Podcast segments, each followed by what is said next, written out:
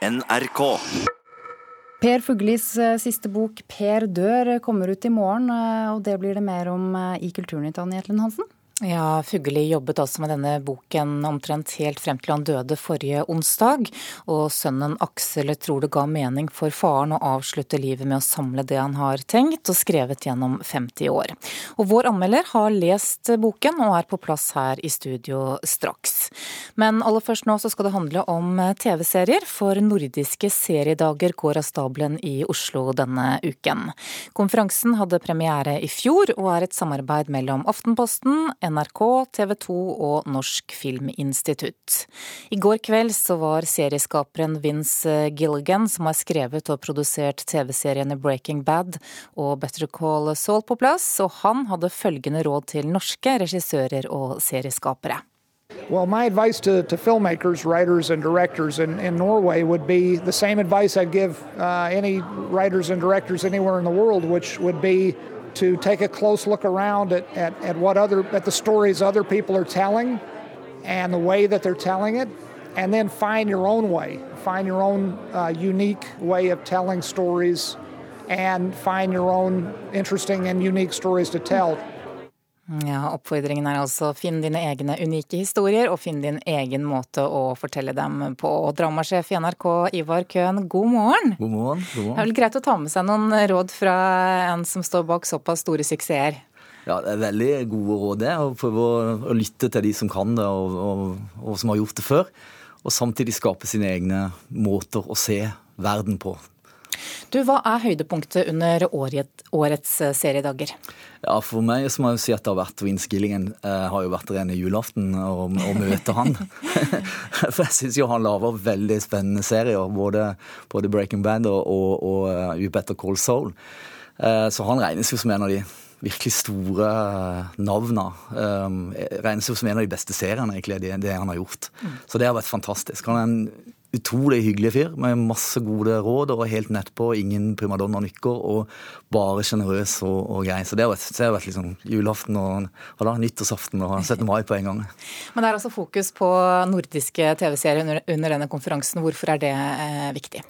For det første så, er, så, lager jo vi i Norden veldig mye bra TV-serier. Så, så, når Win, som Vince Gilligan sier, at man skal lytte til andre som har gjort uh, bra ting, så kan vi også lytte til hverandre her i Norden. Uh, og høre hverandres uh, erfaringer. Så, så vi, vi, tror det at det å samle det nordiske miljøet, nordiske filmskapere her i Norge, gir oss mye inspirasjon og erfaringer å ta med videre. Og så er det jo helt klart at dette er et publikumsarrangement, og interessen for nordiske TV-serier og TV-serier generelt er stort. Så det er fantastisk fint å kunne møte publikum på denne måten mer direkte enn bare via en TV-skjerm. Og en norsk serie som mange fikk et forhold til i fjor høst, det er denne. Hva faen skjer ute? PST sier at ANP har vaktskifte. Hvor mange har gått inn? Alle fire inn. Hvor mange har gått ut? Ingen. Da rykker dere inn nå. Magna Dale, trekk ned fra tak, link opp. Det dreier seg altså om serien Nobel, som ble kåret til beste TV-drama i prisutdelingen Rose d'Or i eh, Berlin denne uken, foran internasjonale suksesser som The Crown fra Netflix og The Night Manager fra BBC. Ivar Køhn, dersom vi ser bort fra Nobel og, og Skam, da, hvordan er interessen for norske serier der ute? Jeg vil si den er veldig høy. Altså Når vi kommer ut eh, på markedet og ut eh, internasjonalt, så blir vi møtt med veldig stor interesse. Eh, Monster, som jo har premiere nå i oktober, f.eks., den har jo allerede for så vidt vunnet en pris. Den også, EBUs manuspris. Men den er også solgt allerede nå til det amerikanske markedet som den første subtitla norske serien. Og hvis du ser på en serie som Øyevitne, som jo gikk her for noen år siden, har jo blitt formatisert eller, og, og, blitt produsert da både i, på nytt igjen men med vårt manus, både i USA, i Romania og nå senest i Frankrike. Så, så, hver gang vi kommer ut, så blir vi møtt med stor interesse. For, for jeg tror vi gjør litt sånn som Wins Gillian sier at vi må gjøre. Eh, nemlig lytte på de erfarne og skape våre egne historier basert på den norske virkeligheten. Du skal jo ned på seriedagene og holde et innlegg allerede nå klokka ni, så du får komme deg av gårde. Takk for at du kom hit, først dramasjef i NRK, Ivar Køhn. Videre til Paris nå. Der er mange opprørte over muren som nå bygges rundt Eiffeltårnet. Det skriver franske medier. Pariserne er bekymret for at det verdensberømte bygget blir ødelagt av glassmuren som skal beskytte det mot eventuelle terrorangrep. Og en av dem som er lei seg, det er Theo, som bor i nærheten av nettopp Eiffeltårnet. Et je trouve que c'est dommage vi ne puisse plus euh, se balader sous tour Eiffel. Att fritt spatsera under Eiffeltornets fyra pelare och titta uppåt är en fantastisk känsla. Detta har också varit en internationell mötesplats där jag träffat både norrmän och svenskar. Men i och med muren går friheten nu i graven, beklagar Theo Cohen som bor i närheten av Eiffeltornet. Många parisare är mycket upprörda över att den tjocka muren har börjat byggas. Den ska bli av glas på två sidor medan ett järnstängsel ska sättas upp på de två andra sidorna. Muren ska bli tre meter hög och när den är klar ska den skydda mot eventuella fordons och vapenattacker. Under det att beväpnade militärer patrullerar strax intill tar Elisabeth, Bege och Mari från Norge en selfie om Eiffeltornet säger jäntorna så här. Det är exceptionellt vackert. Muren, hur tror ni det kommer att förändra Eiffeltornet? Charmen blir bort. Mindre besøkende. Kommer det å bli bedre med sikkerheten, tror ni? Det er mer sikkert. Eh, ja, det vil jeg tro. Ja. Över 5 800 000 personer besöker Eiffeltornet årligen. Enligt uppgifter i franska medier ska detta vara världens mest besökta monument. Det 324 meter höga järntornet konstruerades av Gustave Eiffel och invigdes år 1889. Det är något av en nationalsymbol för Frankrike. 1994 kapade algeriska terrorister ett flygplan från Alger. Deras mål var att låta planet explodera över Eiffeltornet. Men de franska myndigheterna lyckades stoppa planerna.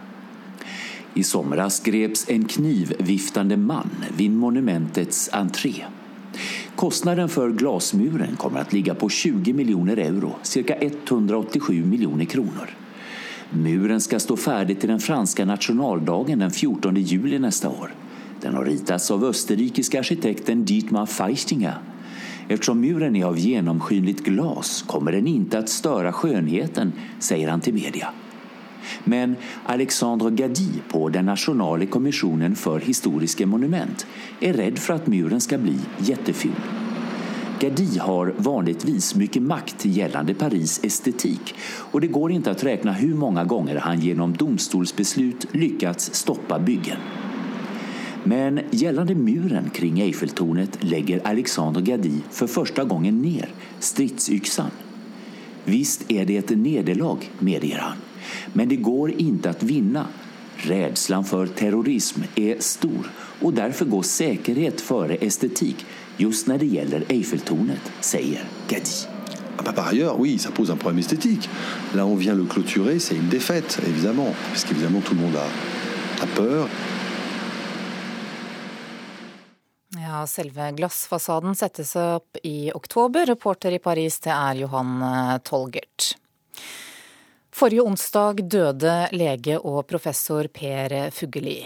Og helt til det siste så jobbet han med boken Per dør, som kommer i morgen. Sønnen Aksel Fugelli tror det ga mening for faren å avslutte livet med å samle det han har tenkt og skrevet gjennom 50 år. Jeg tror det var veldig viktig for han å holde på mening til det siste. For han har jo det å være til nytte krige, kjempe for det han syns er viktig, vært en veldig viktig del av livet hans. Du fulgte han jo, og hjalp han jo eh, mot slutten å, å, skrive boka, eller var med og hjalp han litt. Hvordan var det? Ja, jeg, jeg, har bare rydda og pynta. Han har skrevet, vært en stor sjøl, men han har skrevet som en gærning og ikke sett seg tilbake. Han kaller det et slags testamente som han gir etter seg. Hva, hva mente han med det? Han er jo ganske vill, så egentlig ønsket han å lage to bøker. Eh, denne Per Dø, som er mer som en dagbok. Og så en bok som heter 'Den siste resept'. Men det ble for meg, det gikk ikke.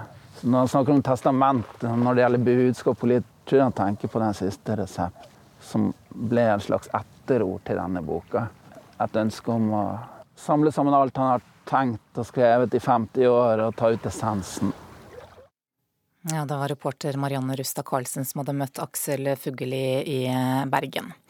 Per dør kommer altså ut i morgen, og litteraturanmelder Knut Håem her i NRK. Hva den ytre sett handler om ligger vel i tittelen, men um, hva slags bok er det blitt?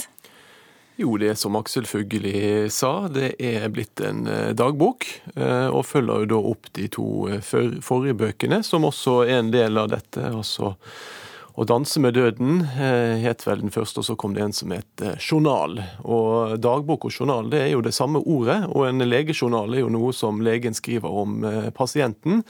Men her kan du si at Per Fugelli har skrevet sin egen journal om sitt eget sykdomsforløp. Noe han for øvrig egentlig også var for, at når noen var syk og gikk til legen, så skulle også pasientens meninger om eget sykdomsforløp komme inn i denne journalen. Og hva skriver han om det? Han skriver jo om eh, meningen, hva det er som er meningen med livet. Eh, og hva er meningen med å dø? Hvordan skal man håndtere det å dø? Eh, hvordan, hvilken mening har livet når man ikke har Gud, men bare kreft, som Fugelli skriver? Og så følger vi han da gjennom dette, denne sykdommen i denne siste fasen. Og da er jo eh, Vi er med han på de stedene som vi også kjenner fra de forrige bøkene. Altså på, eh, på øya Lyngvær i Røst kommune. Vi er på Jæren, og vi er i Urtegata, og vi er i det litt hemmelige rommet hans eh, på instituttet der han jobbet, der han er et ettall på jorden, der han er alene. Men andre steder så er han jo sammen med den nære flokken sin. Men så er det jo sånn med Fugelli at han har en sånn kjempeflokk av rundt seg som sender han brev hele tiden som han skal svare på. Det er forespørsler. Eh, det er jo Selv om livet hans tar slutt, så tar jo ikke interessen for denne mannen slutt. og Da er det både gode hjelpere som vil frelse han på ulike måter, som vil at han skal finne Allah på slutten, som vil at han skal finne Jesus. og Da skriver han jo høflig tilbake. Og så er det jo også onde hjelpere da, som syns at han er en pest og en plage. F.eks. Eh, en viktig, en interessant figur her som kaller seg for Major Disaster, som skriver til Per Fugelli du er en ond norskhatende islamfascistelskende rødnazist. Eh, også han får da et høflig svar fra professoren. Du har jo sagt eh, litt om det, men hva er det særegne med Fuglis måte å nærme seg dette emnet på? Det som styrker denne boken, er jo at man merker at det er en, eh, en forfatter her som har skrevet helt siden 70-tallet, og som vet å bruke, ta inn litteratur f.eks. i sin egen fortelling. Eh, og det er veldig mye humor, og det er også en forfatter med en, det jeg vil kalle et veldig sterkt aforistisk talent, altså med en evne til å på en måte eh, få inn visdomsord på få setninger. Altså jeg sitter og streker under nesten på hver eneste side ting som er rett og slett veldig, veldig klokt formulert. Altså, og selv om eh, noen syns kanskje han ble litt vel høy på seg sjøl da han ga ut en sånn her sitatbok med Per Fugelli-sitater, så er det en grunn til det. Han har en veldig eh, egenartig eh, formuleringsevne. Men det at Fugelli altså da er død, påvirker det lesemåten din på noen måte? Altså, jeg tror ikke at det uh, gjør meg mer sånn vennlig uh, innstilt i seg selv. Uh, det, det, det, tror jeg heller ikke ville vært i Fugellis ånd. Dette er jo en bok som, som, som jo handler mye om å forsøke å, å, å, få mennesker til å skjønne at selv om man er døende, så vil man gjerne bli behandlet som frisk på en måte. Hva innebærer det å være en pasient? Så det er en bok både om å være døende og om å være i, i livet til det siste. Takk skal du ha, Knut Hoem. Boken kommer altså ut i morgen.